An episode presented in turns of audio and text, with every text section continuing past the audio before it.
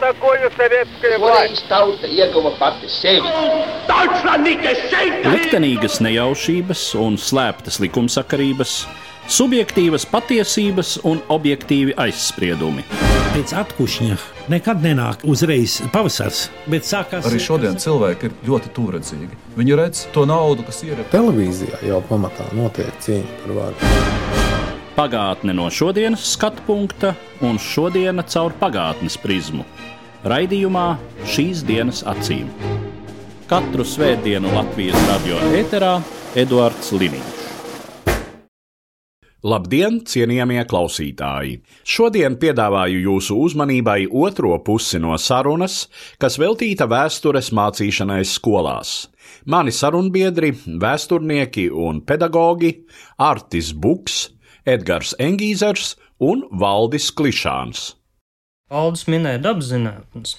Jo tas ir, nu, varbūt tas drusciņš tas, ar ko es pats esmu sācis interesēties pēdējā laikā, kur var redzēt ļoti lielas līdzības tieši ar vēsturi, un tā ir kvanta fizika, manuprāt. Kas nav prognozējama? Kas nav prognozējama, mm. un kur visi atklājumi ir uh, izrietējuši tieši no tā, ka cilvēki dzenās pēc kaut kā jauna, avotu kritika, iepriekšējo darbu kritika un, pēc būtības, ja mēs populāru zinātnisko kvantu fizikas izklāstu ņemtu, nu, es teiktu, ka vēstures avotu kritikas kursu studiju ievadā viņu varētu ļoti viegli piemērot. Un otrādi, tā problēma ir tāda, ka mēs, kā vēsturnieki, ļoti švaki zinām kvantu fiziku. Un fiziķi savukārt ļoti švaki zina vēsturi. Tie, kas šobrīd pieņem politiskos lēmumus, nu, nerunājot par fizikiem, bet par eksekutīvo nozaru pārstāvjiem kopumā, varbūt tās. Bet, ja mēs paskatāmies uz tiem pašiem fizikas pirmklājējiem, viņi visi bija ļoti spēcīgi filozofi, un par ļoti spēcīgiem filozofiem viņi varēja kļūt tikai tāpēc, ka tajā laikā viņi ļoti spēcīgi zināja arī vēsturi, tā skaitā arī zinātnes vēsturi. Nevienu jaunu atklājumu nevar izdarīt, nezinot iepriekšējos atklājumus un iepriekšējās izgāšanās.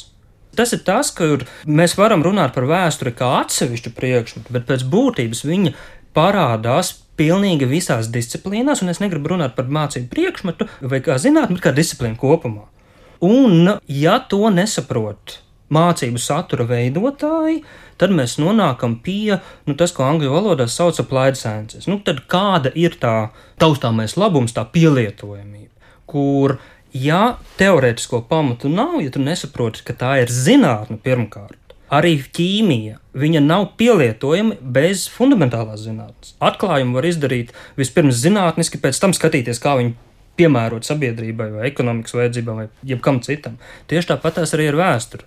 Ja mēs viņu uzskatām kā žurnālistikas, vai publicistikas, vai literatūras žanru, tad mums ir viena attieksme. Ja mēs viņu uztveram kā zinātni, tad mums ir jāveido cita attieksme. Un tam ir jāsākās jau skolā. Diemžēl skolā vēsture, kā zinātne, ir tīri paša skolotāja rokās, kad lūk, valdes vai es vai kāds cits skolotājs, viņš tīri individuāli. Bet tā programma iesaka palasīt, burvīgs avots paņemu septītās klases programmu. Jā, mēs tur ņemam akmens laikmets, antīkā pasaule, viduslaiki, un es paskatos, sasniedzamie rezultāti. Proti, uh, atšķirt avotu ticamību, kritiski analizēt, kritiski domāt, orientēties to. Tur, sakot, es izlasu to, kas ir jāsasniedz. Nekurš katrs bakalaurs to spēja. Varbūt un, pat nekurš katrs doktors. Un, un, un pat nekurš katrs doktors. Un es arī tām visām prasībām es pats neatbilstu. Man nav tik asa doma. Es te gan drusku tad, iebilstu tad... Vārtim. Tur ir tā problēma, ka visas šīs prasības, kas ir eh, rakstītas sasniedzamos rezultātos, viņas jau iekšēji gradējas. Un jebkura šī lieta ir iespējama, piemēram, sestklasnieka līmenī, vidusskolāna līmenī un uh, akadēmiskā līmenī. Iegūt informāciju no avota, Tas ir ļoti nemērāma lieta. Tas ir jautājums, kāds ir avots un kādu informāciju mēs gribam un ko mēs gribam sasniegt. Un te ir šī lielākā, varbūt šobrīd problēma, ka esošie normatīvie dokumenti ir tik vispārīgi, un katrs zem viņiem var saprast, es atvainojos, es ar humoru teikšu, pēc savas samaitātības pakāpes. Ko es ar to saprotu? Ja, piemēram, ir sasniedzamais rezultāts, skolēni diskutē par reliģijas nozīmi sabiedrības dzīvēm. Nu, mēs taču varam saprast, par reliģijas nozīmi var diskutēt pat vēl vispār pirms vēstures kursa. Nu, ja bērns ir redzējis baznīcu, bijis vecāku aizvest uz Ziemassvētku dievkalpojumu, viņam būs kaut kāds viedoklis. Bet ko tas nozīmē? Konkrēti, un te ir tā pati lielākā, es domāju, šīs projekta izglītības reformas problēma, ka viss ir aprakstīts vispārīgiem vārdiem, bet tas viss nav mērāms. Tam nav laika, sarežģītības un kaut kāda rāmja. Tās ir vienkārši tādas kā frāzes. Tur ir problēma. Tukšfrāzība, ārkārtīgi. Tiksim tā ka es pat vairs īpaši nelasu tās norādes, ka daru pēc savas labākās sirdsapziņas, un kā es mazajiem saku, viņi man saka, priekš kā man vēsture? Atkal parādās tas pielietojums. Es saku, draugi, nu nevajadzēs tev zināt, kas ir Lūsis 14. vai Ramzes 13. vai ko tādu. Es saku, uztver, tu esi skolā, pamatskolā, uztver. Matemātika ir viens trenižieris, literatūra ir cits trenižieris, mēs trenējam smadzenes. Jo galvenais, manuprāt, ir iemācīties domāt, bet tas nav izmērāms. To nevar izmērīt, bet tā ir tās būtība. Kā es saprotu, kas tam bērnam ir? Viņš ir maziņš. Ir Septītā klasē viņam ir 12 gadiņi. Bet nu, es daru savādāk. Tāpēc mums ir diskusija šeit. Es mēģinot jebkuru tēmu skolā mācīt, es sāku viņiem parādu, kur viņiem tas ir riņķī. Jo nekas jau vēsturē nav pazudis. Viss tas ir mums riņķī. Mani skolēni un studenti ar to zina. Nu, pieņemsim, Franču revolūcija slavenā. Es saku, jūs esat sēdējuši mašīnai pie stūres, kur jums ir spidometrs. Ko jūs tur redzat? Mēs tur redzam kilometrus. Mēs tur redzam litrus, mēs tur redzam motora temperatūru. Kāpēc šāds spidometrs nav Britu sistēmā? Kāpēc nav? Viņi jau tā, tāpēc mācīsimies, no kurienes vispār rodas kilometri un litri un decimālā sistēma un ka tā ir franču revolūcija pēc būtības. Un viņiem skolēniem pēkšņi ir interesanti, viņi saka, mācāmies franču revolūciju. Man šķiet, ka lielākā problēma var būt pat nesakārtota normatīvo aktu sistēma, bet eh, ļoti tādā lielā pašplūsmā atstātie skolotāji. Ka mainoties saturam, arī pats es, kad strādāju skolā, nonācu vienā burvīgā seminārā, kur vēstures skolotāju vairākums, plānojot nākamo darbu, nu, viņam tiek uzdots jautājums, ko jūs gribat uzzināt nākamajā seminārā. Absolūtais vairākums aktualizē jautājumu, kas jauns atklāts ar vēsturē. Rīgā. Kādu problēmu tas parāda? Tas parāda to, ka skolotāji paši nezina to priekšmetu, ko viņi māca, un šobrīd, kad nevēsturnieki māca šo priekšmetu, tā problēma ir nesalīdzināmāk dziļāka nekā kāda viņa bija pirms 10, 15 vai 20 gadiem. Otrs, no tā arī izriet šīs turpinājums, ka viņi mācot uh, tikai to, kas ir standartā vai programmā no viņiem prasīts, nonāk frāžainībā, un līdz ar to skolēniem tas arī vairs nav interesanti. Viens ir tas, ka ir šī sistēma radīta tāda, ka tur var palikt apakšā pēc būtības jebko, un katrs tiešām to dara savas pieejas rezultātā. Un otrs, man ļoti nepatīk tas, ka šajā sistēmā arī ir radīta diezgan liela nevienlīdzība, ka daļa no skolēniem mācās vēsturi pietiekami labi un varbūt pat labāk, dziļāk nekā tas tika darīts līdz šim, bet tā ir ļoti neliela daļa. Ļoti maza. To padziļināto kursu izvēlās. Es pat neesmu dzirdējis paziņu lokā, skolotāju lokā. Neesmu dzirdējis, ka kādā skolā vienmēr izvēlās vieglāko ceļu. Un tā problēma ir tāda, ka tas vieglākais ceļš ir nevis skolēniem, bet skolotājiem, kas nezina šo priekšmetu pietiekami labi. Jo skolēni, cik es ar viņiem esmu strādājis, arī pēc tam, kad viņi nonāk augstskolā, kā pirmo kursu studenti, lielākā daļa, sevišķi skolā, viņi grib iegūt zināšanas. Vairāk vai mazāk ar spēlēm vai nespēlēm, bet viņi saprot, ka viņi šeit ir, lai mācītos. Un tajā brīdī, kad šīs zināšanas tiek pamazām skrāpētas no priekšmetu laukā, tad viņi nonāk tādā ļoti nelāgā situācijā. Un, teiksim, tad, kad es mācījos skolā, tad bija garantija, ka tā ir valsts skola, tur ir standarts, tur ir programma. Un neatkarīgi no tā, vai tu esi pabeidzis lielu pilsētas centra skolu vai mazu lauku skolu, tas saturs plus mīnus būs salīdzināms. Un tā konkurētspēja bija pietiekami laba. Nu, labi, es nerunāju par valsts gimnājām, kur bija atsevišķi papildus vēl kaut kas klāts. Šobrīd absolūtais vairums tiek samazināts. Un tajā brīdī, kad uh, Augstskolā, piemēram, es nerunāju par vēsturniekiem, es runāju par juristiem, teologiem, māksliniekiem, žurnālistiem, ļoti plašs spektrs sabiedrības. Nonāk cilvēki, vieni, kas ir mācījušies tā ļoti vulgāri vispārinot, vienu stundu nedēļā, un citi, kas ir mācījušies divas stundas nedēļā. Nu, tā matemātiski, lai mēs varam salīdzināt. Tas rada ļoti netaisnīgu sabiedrību. Un tas nav stāsts tikai par vēsturi. Bet varbūt tas ir normāli. Jebkura sabiedrība, sākot no akmens laikmeta, ir stratificēta, un, ja mēs ticam pareto principam, tad tikai 20% populācijas ir spējīga uz intelektuālu darbību. Bet tad lūdzu, politiķi, kas lemj par vēstures vai jebkuru izglītības saturu skolā, to godīgi arī pasakiet. Ka, ja jūs izvēlaties dzīvot mazā pagastā, lūdzu, vai nu finansējiet paši savu skolu, vai nu saprotiet, ka jūsu bērni būs šajā sabiedrības kastītē.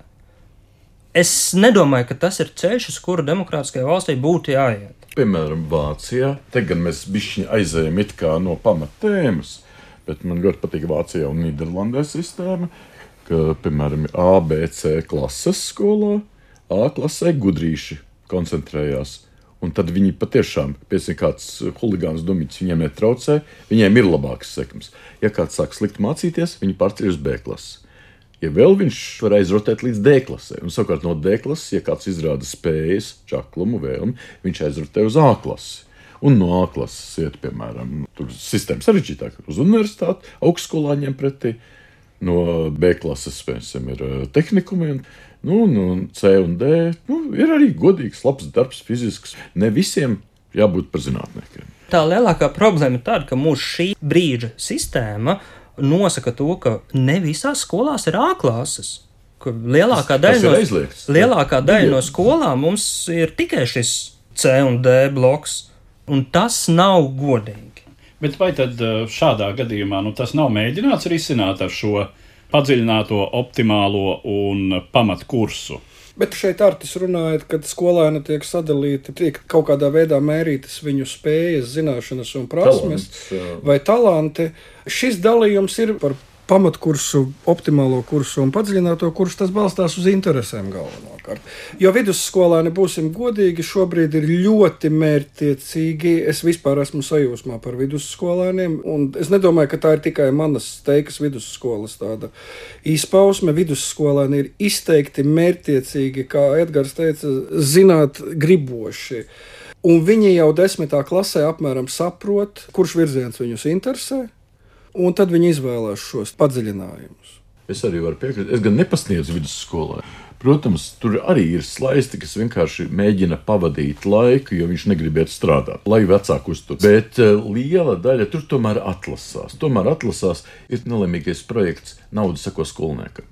Un tad, diemžēl, skolas ir spiestas vidusskolu uzņemt jebkuru, lai tikai skola dabūtu naudu un lai skola varētu funkcionēt bet tur tomēr kaut kāda atsijāšana ir. Un tikko parādās atsijāšana, viņi patiešām ir forši, viņi ir radoši, viņi domā, viņi nāk pie manis. Vidusskolnieki un kolēģis netiek galā vienkārši ar to apjomu, kā viņi strādā ar ZPD zinātniskiem pētnieciskiem darbiem. Un, um, es domāju, ar katru gadu principā, tā jaunā paudze tā lēnām separējās, un tā virskārtiņa kļūst Viņi, tā, viņi ir gudrāki, foršāki nekā es biju viņu vecumā. Tam es piekrītu, bet es uzreiz pateikšu, mana pieredze strādājot skolā, šādi separējot klases un izdalot tos izcilniekus, un tad varbūt tādas, nu, tā kā es negribu teikt viduvējības, bet tā kā drusku vājākus, no tīrā pedagoģijas viedokļa noved pilnīgi pie pretējiem rezultātiem, jo es bijis liecinieks savā pedagoģiskā karjerā, kā šīs izcilnieku klases Tur notiek kaut kādi psiholoģiski procesi, tur notiek kaut kāda pārāk liela tā pašapziņa. Tur beigās viņas ir sabrukušas iekšēji kā kolektīvi, un tie cilvēki nebūtu beigās nav tie labākie, ja mēs ņemam kaut kādas ētiskas lietas. Tas viss ir ārkārtīgi smalka. Arī sava veida kvantu fizika tā ir. Jā. Ne mums šobrīd par to spriest.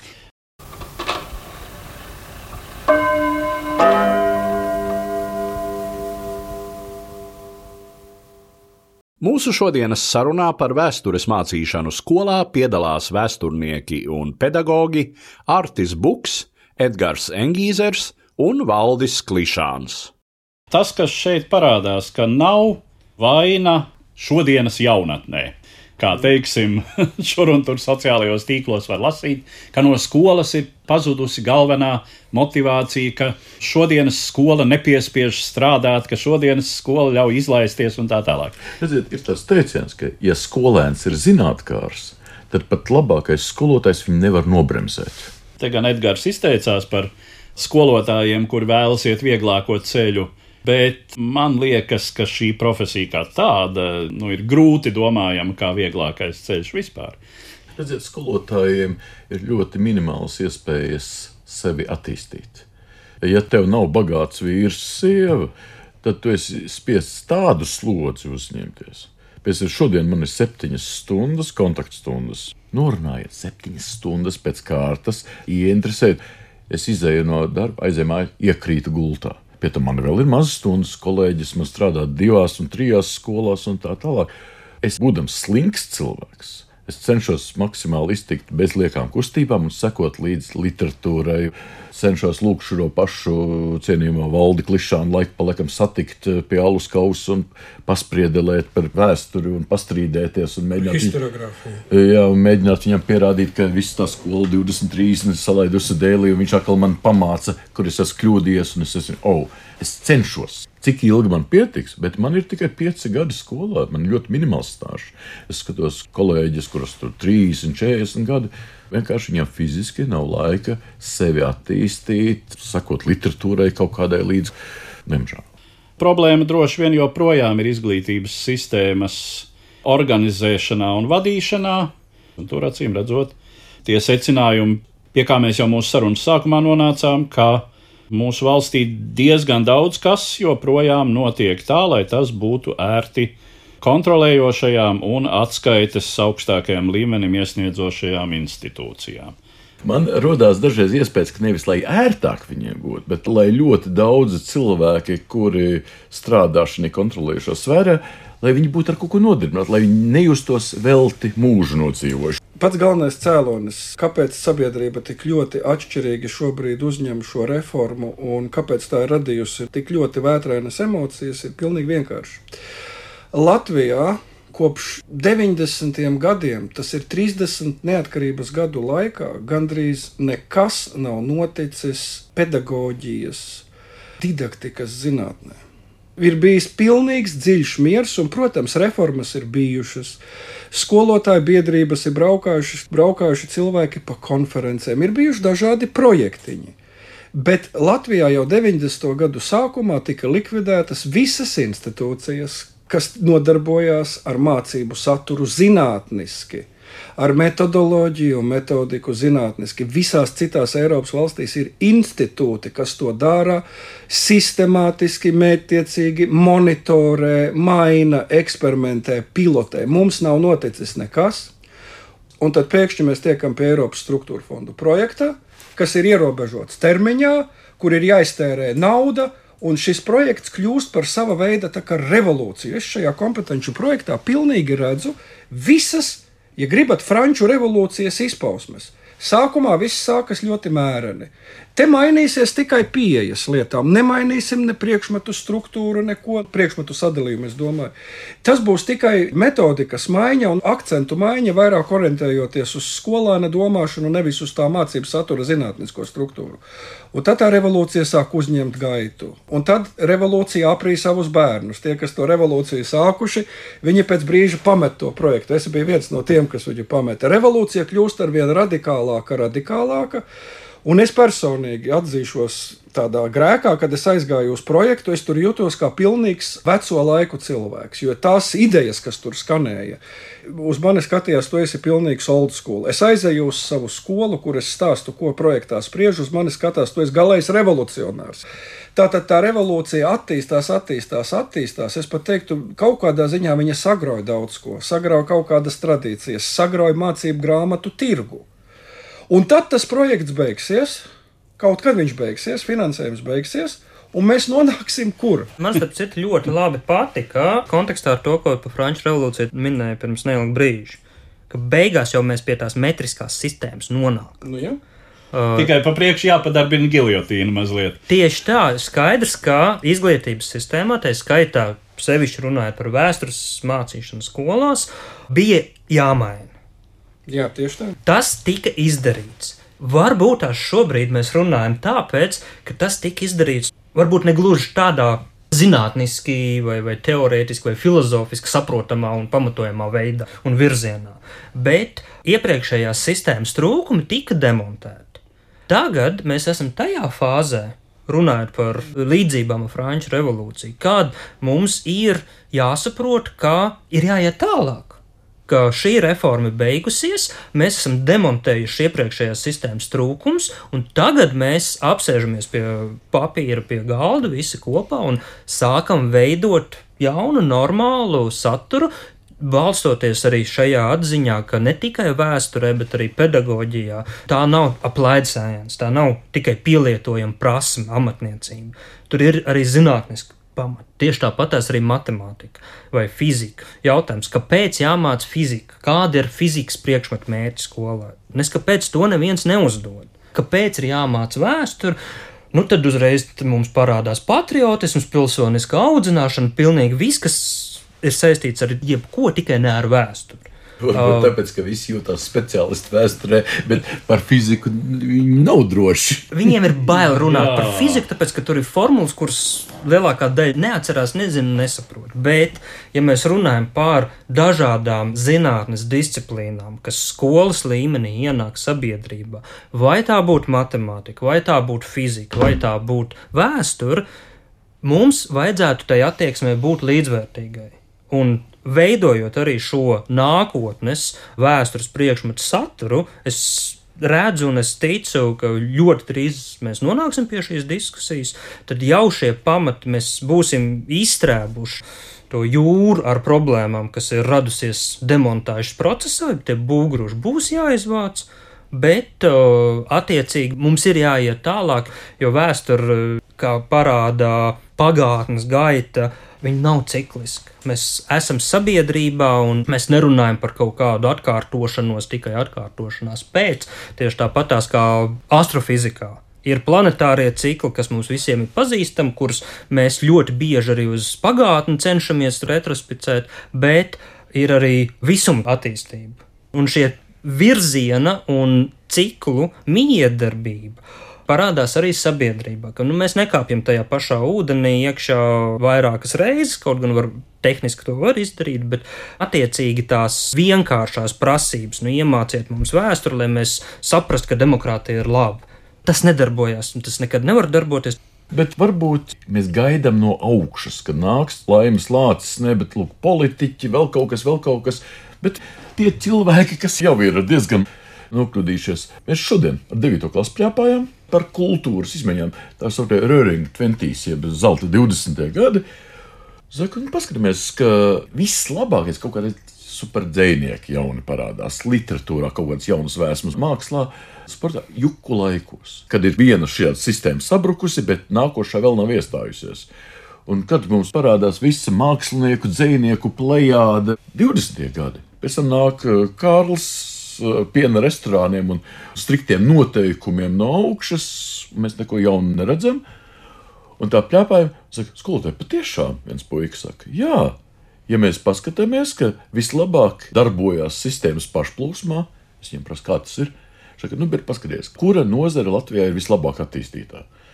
Tā, saka, nu, tā nevar iedomāties. Saka, internets. Mums ir labākais internetu pieslēgums visā Eiropā, jo to neregulēja izdeva kaut kādu regulu, kas ir eh, provideris, kādas viņam tiesības, un viss. Valsts iestādes lika internetu providerus mierā, un internets ļoti strauji attīstījās. Tikko parādās ierēģi un sāk izdot regulas, tad pasākums sāk bremzēties. Man aizdomas, ka skola ir ar tādām regulām, ka tie skolotāji arī kursos, viņš, viņi prasa regulas. Kā tā, mācību grāmatas nebūs, ko es tagad daru bez mācību grāmatas. Viņš ir izmisis, viņš ir jau piedzi, viņš gadu desmitiem strādājis, viņš ir pieradis nevis domāt pats, bet strādāt ar kaut kādu instrukciju. Kad būs jaunā instrukcija, ko man mācīt bērniem? Es saku, mīļā, sirds, man ir mācīts, ko gribi. Tev ir programma apmēram, nu, tam vēsturē, tev ir 18. gadsimts Māci, ko gribi. Nav noteikts, ka tev jāmācās tieši to, ka Franču revolūcija ir laba vai Franču revolūcija slikta. Es, piemēram, mācīju, ka Lūsis 14. bija burvīgs un lielisks, vai ne? Viņš ir fantastisks. Mācību grāmatā ganīts viņš tiek. Mums ir ļoti liela brīvība. Un Īstenībā- to deva šis kompetenci, tas starts, vai ne vismaz sākumā, kad deva lielu individuālo brīvību skolotājiem, bet daudzi skolotāji nav spējīgi šo brīvību pacelt un panest. ir divas lietas. Caur vēstures priekšmetu, bet mēs varam paskatīties vispār uz izglītības sistēmas būtību. Var redzēt, ka vēsturiski viņai ir veidojušies divi mērķi, savstarpēji pat īsti nesaistīti. Pirmais mērķis, tas, ko mūsdienās sauc par izcilības veicināšanu, zināšanu došanu, bāzes, metožu, nu, visu, ko mēs ar šo apzīmēm šobrīd saprotam. Un otrs mērķis, kas īstenībā arī jau 200 vairāk gadus ir ielikts šīs sistēmas pamatos, ir sabiedrības veidošana. Pilsoniskā audzināšana, patriotisms, ko ļoti burvīgi var redzēt eh, Britu sistēmā, kur ir publiskās skolas, kur pamatfunkcija ir nodrošināt, lai tā sabiedrība funkcionētu, lai viņi veidotos kā iekļaujoša sabiedrība, Britu impērijas visu mantojumu, lai varētu savākt. Un viņiem ir paralēli privātskolu sistēma, kas lielākoties orientējās uz izcilībām, izcilības veicināšanu. Bet jau saprati, ka tas nav taisnīgi, ja pie mums kaut kas tāds veidotos. Viņš tur ir geogrāfiski pieejams. Mm -hmm. Un tu ejot uz skolu, tu zini, uz kuru skolu tu ej. Nav taisnīgi tas, ka tu aizej uz skolu, tu domā, ka tu saņem visu, bet saņem garoziņu tikai no tā. Bet attiecīgi tas, kas pie mums pazūd šīs reformas ietvaros, ir šī orientēšanās, šo iespēju došana attīstīt bērniem, jauniešiem izcilību, neatkarīgi no viņu geogrāfiskās lokācijas. Pilnīgi piekrītu. jā. Man ir lielākā grūtība, ir, ka es redzu, foršs, talantīgs jaunietis. Mums vienkārši pietrūkst stundu. Mums ir tikai divas stundas nedēļā, kuras viņam pat nevar kaut kādu pamatu izstāstīt, kaut kādu pamatzināšanas iedot. Vienkārši man fiziski nav laika, lai viņš aiziet uz vidusskolu pie valda, un tad viņi var diskutēt par tām kompetencēm. Jo, lai varētu to kompetenci kaut kā realizēt, ir jābūt bāzes lietai. Bet jūs abi esat no Rīgas. Paskatāmies, kas notiek skolās. Ne- Negribu saukt kādu mazu ciematu, mm. lai neapvainotu. Bet uh, 100 km radiusā no Rīgas vai 50 km no lielajām pilsētām. Mums ir jādod iespējas tiem bērniem konkurēt ar teiks vidusskolu, piemēram. Bet redz, arī Rīgā tā izglītība krietni, nu tā, es saku, viss ļoti atkarīgs no skolotāja personības.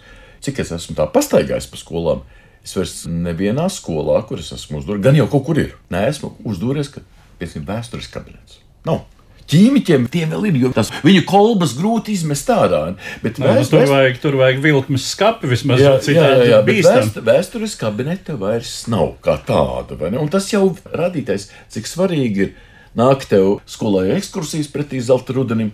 Vēstures laikā tāda burbuļu pušana, satversme viņš gan jau pamācīsies sociālās. Un šeit mēs nonākam pie šīs filozofiskās lietas, ka vēsture tiek pasniegta tikai caur sabiedrisko mācību, tikai caur šo mm. audzināšanas prizmu.